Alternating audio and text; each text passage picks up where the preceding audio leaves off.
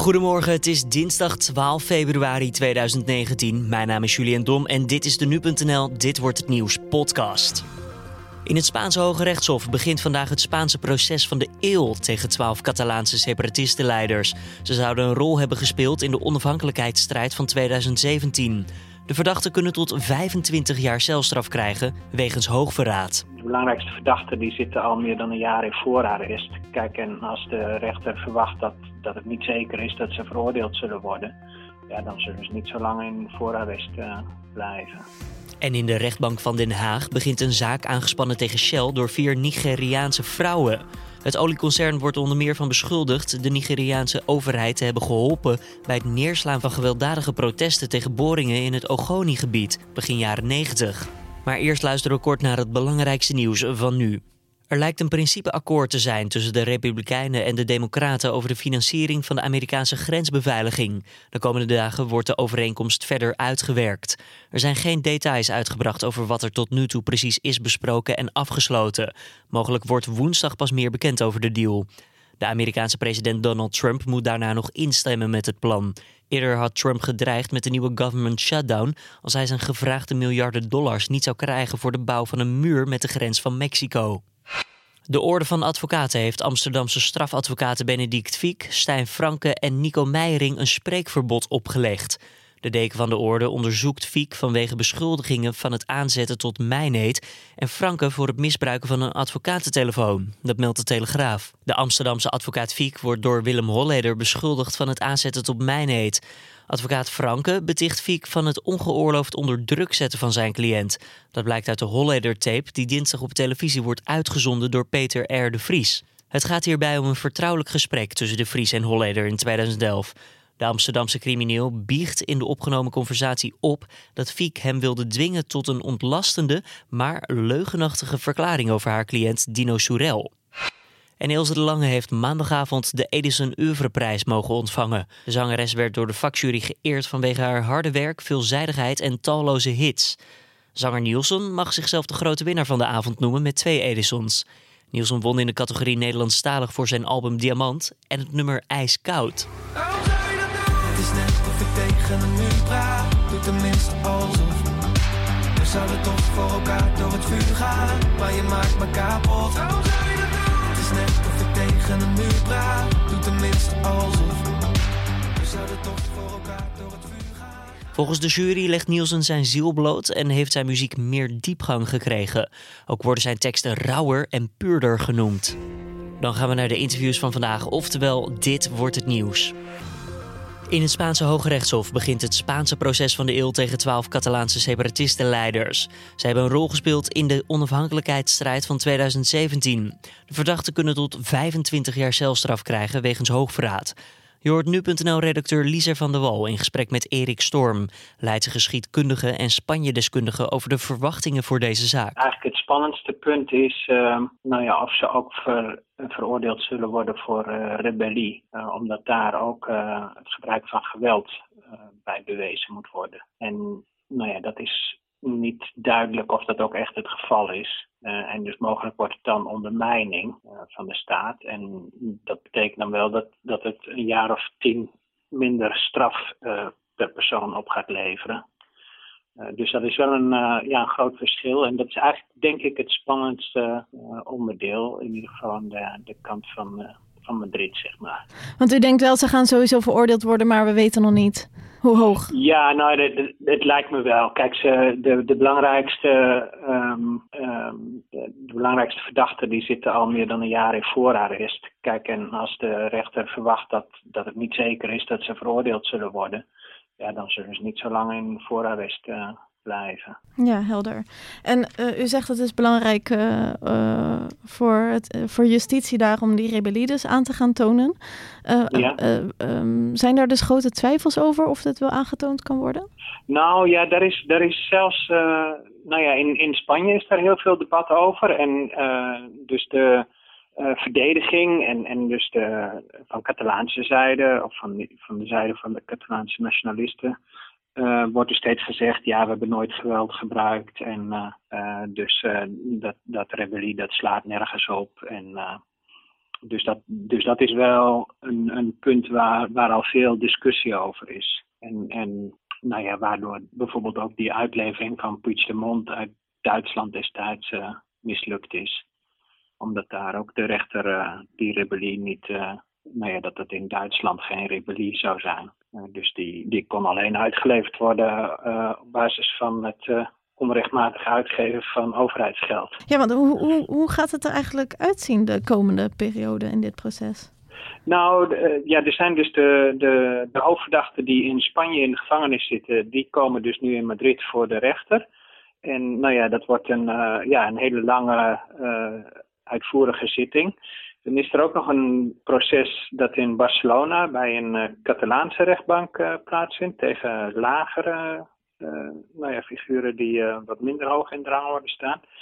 En dan zijn er natuurlijk ook nog de zes die gevlucht zijn. Um, die de verwachting is eigenlijk dat als die veroordelingen definitief zijn, dat dan ook weer geprobeerd zal worden om die uitlevering voor elkaar te krijgen. En geldt dat ook voor Piet? Ja, zeker. Ja, ja, ja want is, dat is toch de, de hoofdverantwoordelijke. En uh, ja, het is dus eigenlijk uh, absurd dat, ja, dat een heleboel andere mensen dus wel voor de rechter staan en hij eh, de dans lijkt, uh, lijkt te ontspringen tot nu toe. Dat, dat is inderdaad ook een interessant feit. Hij is natuurlijk uh, gevlucht. Is, is dat een, een, een goede beslissing geweest gezien het proces wat nu plaatsvindt, denkt u? Nou ja, de, kijk, voor zijn, kijk, als er niemand vertrokken was, dan, had er waarschijnlijk, dan waren ze waarschijnlijk allemaal op borgtocht vrijgelaten. Mm -hmm. Maar het feit dat, dat zijn companen zeg maar, nu allemaal nog, nog bijna allemaal nog in, in voorarrest zitten. Ja, dat komt natuurlijk vanwege het vluchtgevaar.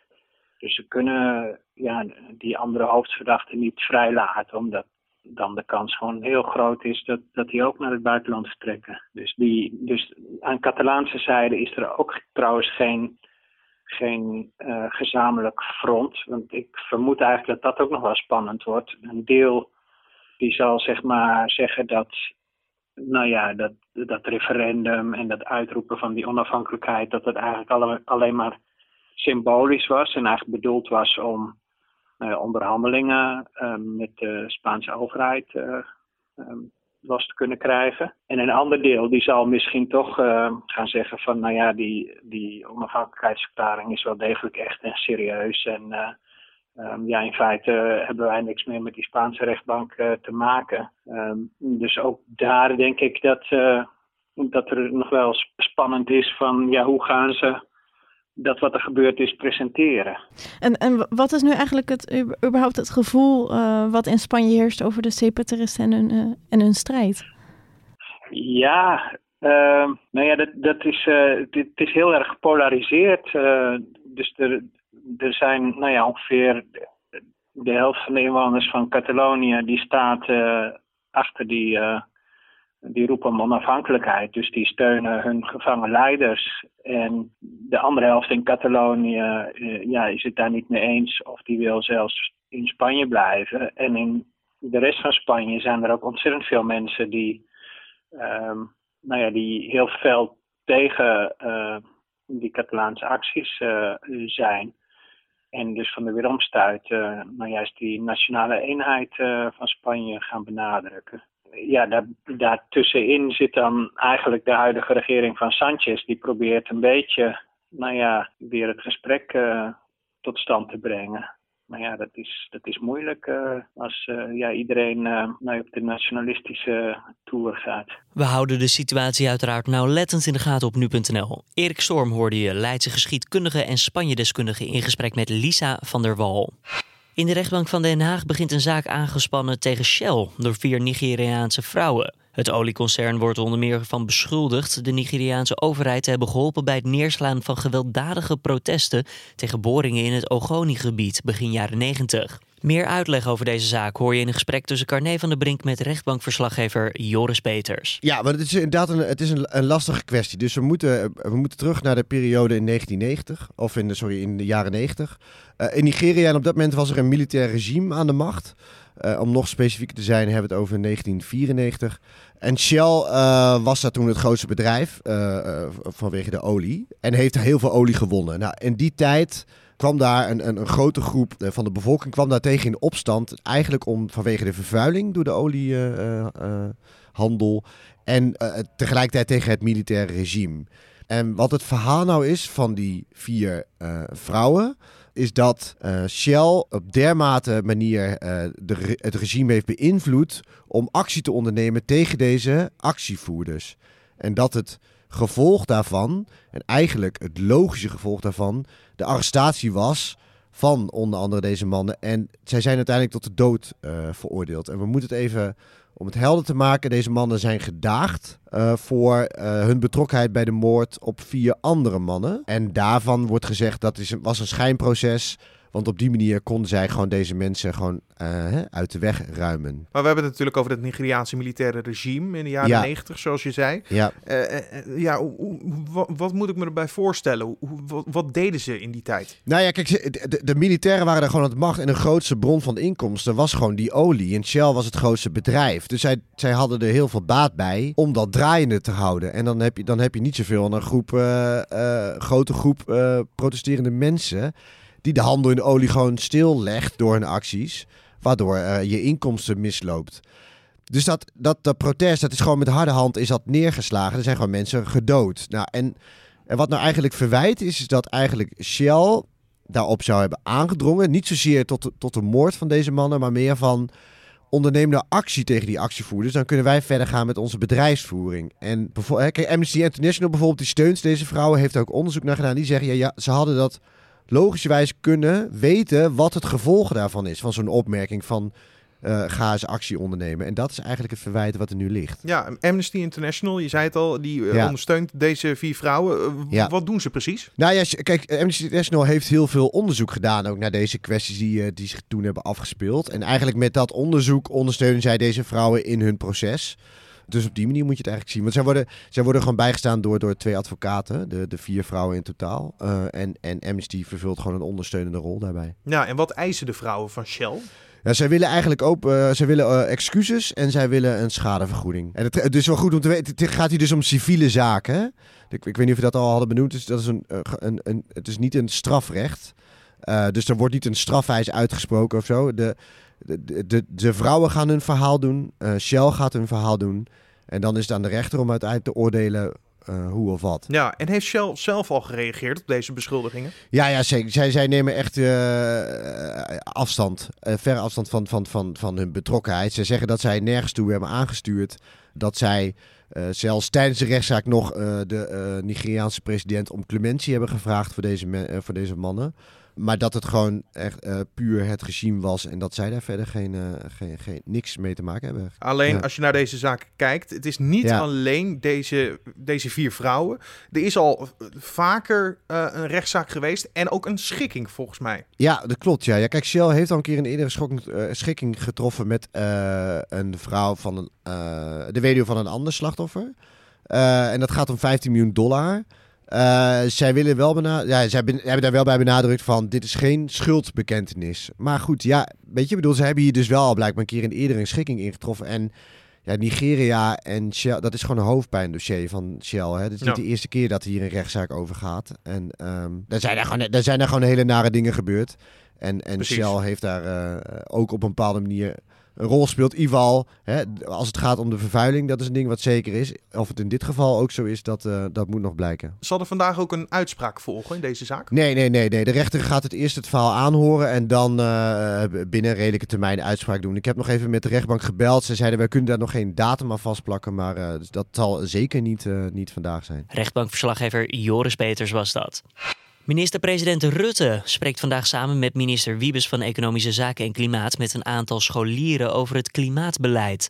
De scholieren van Youth for Climate organiseerden afgelopen week een demonstratie in Den Haag om aandacht te vragen voor het klimaat. Eerder twitterde Rutte al dat hij met de activisten wilde praten, al benadrukte de premier met de knipoog dat dat wel buiten schooltijd moest gebeuren. En de Champions League wordt weer opgestart. Om kwart voor negen vanavond starten de achtste finales. Manchester United neemt het op tegen Paris Saint-Germain en AS Roma speelt tegen FC Porto. Paris Saint-Germain kampt met de nodige problemen. De Parijzenaars missen onder meer sterspelers Neymar en Edison Cavani. Roma verschijnt mogelijk met de Nederlandse Rick Karsdorp en Justin Kluivert aan de aftrap. En dan nog even het weer voor deze dinsdag. Vanavond trekken er wolkenvelden over Nederland. In het zuiden en westen breekt de zon af en toe nog wel door. Lokaal is er kans op een kleine bui. De wind is zwak tot matig met een temperatuur van zo'n 9 à 10 graden. En dan nog even dit. Fox News-presentator Pete Hegseth heeft een opmerkelijke uitspraking gedaan op de Amerikaanse televisie. Eentje waar je zeker in deze tijd van griep goed naar moet luisteren. As I told you, my 2019 resolution is to say things on air that I say off air. I don't think I've washed my hands for 10 years. really, I don't. I, I, don't really wash my hands. Ever. help me! No, oh, no, I, I, inoculate myself. It's just not. Germs oh, are not a real thing. I can't see them. Therefore, they're not real. So you're becoming immune to all of the all of the exactly. bacteria. I can't get sick. Ja, inderdaad. Hexet zegt al tien jaar zijn handen niet te wassen, omdat ziektekiemen volgens hem niet bestaan. En ze bestaan niet omdat hij ze niet kan zien met het blote oog. Een opmerkelijke uitspraak die zeker wat stof heeft doen opwaaien op social media. En dit was hem dan, de Dit Wordt de Nieuws podcast van deze 12 februari. Elke maandag tot en met vrijdag om 6 uur ochtends vind je de podcast op de voorpagina van nu.nl in de app of op de site. Wat voor je van de uitzending? Laat het ons weten via podcast.nu.nl of laat een reactie achter in je eigen favoriete podcast app. Mijn naam is Julian Dom. Voor nu een goede dinsdag en tot morgen.